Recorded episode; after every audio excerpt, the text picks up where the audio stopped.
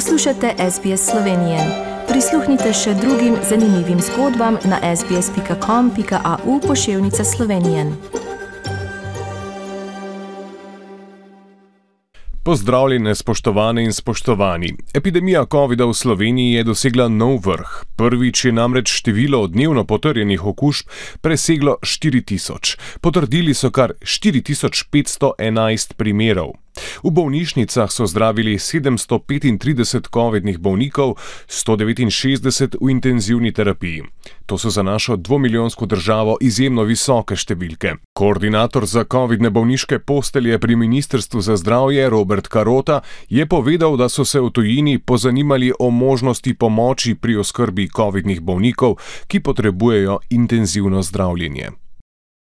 Dejansko obstaja velika verjetnost, da ob tem trendu rasti ne bomo več sposobni zagotavljati nujnih stanj za vse, eh, eh, se pravi, pomoči potrebnih.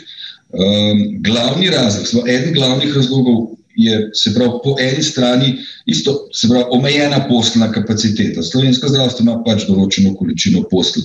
Glavni problem trenutno, ki ga pa vidimo, je enormen izpad uh, negovalnega kadra, tudi intenzivističnega.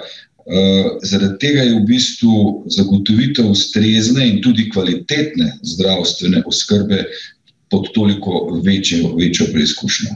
Zdravstvo že zahteva krajše zaprtje države, da se porast okužb umiri. Politika pa išče bolj sorazmerne rešitve. Bolnišnice so že ukinjile nenujne programe, direktori bolnišnic pa pravijo, da so pred zdravstvenimi zavodi verjetno najtežji tedni v zgodovini. Položaj ministra za okolje Andreja Vizjaka pa maje afera zaradi prikrito posnetega pogovora leta 2007 s poslovnežem Bojanom Petanom, v katerem ga je minister poskušal prepričati v dogovor o termah Čatež, ki so bile leta 2007 tudi v delni državni lasti. Vizjak pa je omenjal tudi možnost vplivanja na sodišče. Minister je sicer v sredo potrdil avtentičnost posnetka, ki ga je še pred časom označeval za lepljenko. Poslušajmo njegovo izjavo to glede sodstva obžalujem in uh, mi je žal, da se je to zgodilo, da mi je žal, da se, se zelo distanciram od te svoje izjave.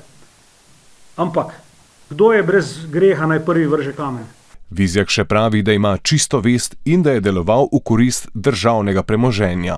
Želim torej povedati, da vse, kar se je v tem obdobju dotaknilo bojem petan, je, je rezultiralo v katastrofo ko govorimo o žepu davkoplačevalcev. Moj greh je, da sem se leta 2007 zavedal njegovega eh, poslanstva in sem želel to preprečiti v korist države in državnih eh, lastnikov. Še vedno pa ni rešeno žgoče vprašanje vladnega financiranja slovenske tiskovne agencije.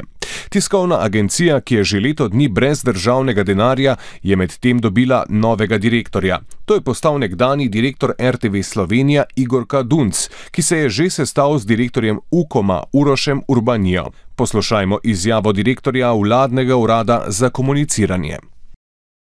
Na sestanku smo si izmenjali stališča, poglede na aktualno situacijo, eh, kar pa je pozitiven dogovor. Predstavili smo tudi seveda osnutek eh, pogodbe, ki jo je pripravil UKOM in v katerem je predvideno tudi takojšnje izplačilo 845 tisoč evrov predujma za Slovensko tiskovno agencijo.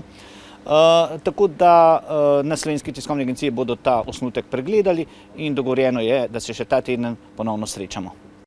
Preteklo nedeljo smo praznovali dan reformacije. Premijer Janez Janša je v poslanici ob prazniku zapisal, da sta slovenski jezik in kultura vtisnjena v narodovo zavest, ter da sta ključna temelja, zaradi katerih smo postali nacija in smo svojo samobitnost potrdili samostojnostjo ter suvereno državo Slovenijo. Poslanica pa je imel tudi evangeličanski škof Leo Novak, ki je pozval k reformiranju naših odnosov da se vrnemo nazaj k spoštljivemu govoru, da vzamemo svetopismo, ki ga imamo od reformacije naprej v svojem slovenskem jeziku v roke, da ga prebiramo, da spoznamo Božjo voljo za naše življenje in da na podlagi tega tudi preoblikujemo naše besede, naše misli naše dejanja. To bi bilo sporočilo za današnje 21. stoletje. S temi mislimi končujemo tokratni pregled novic iz Slovenije. Z vami sem bil Žan Dolajš. Lep pozdrav, do prihodnič. Želite slišati sorodne zgodbe? Prisluhnite jim preko Apple ali Google podcasta, preko aplikacije Spotify ali kjerkoli drugje.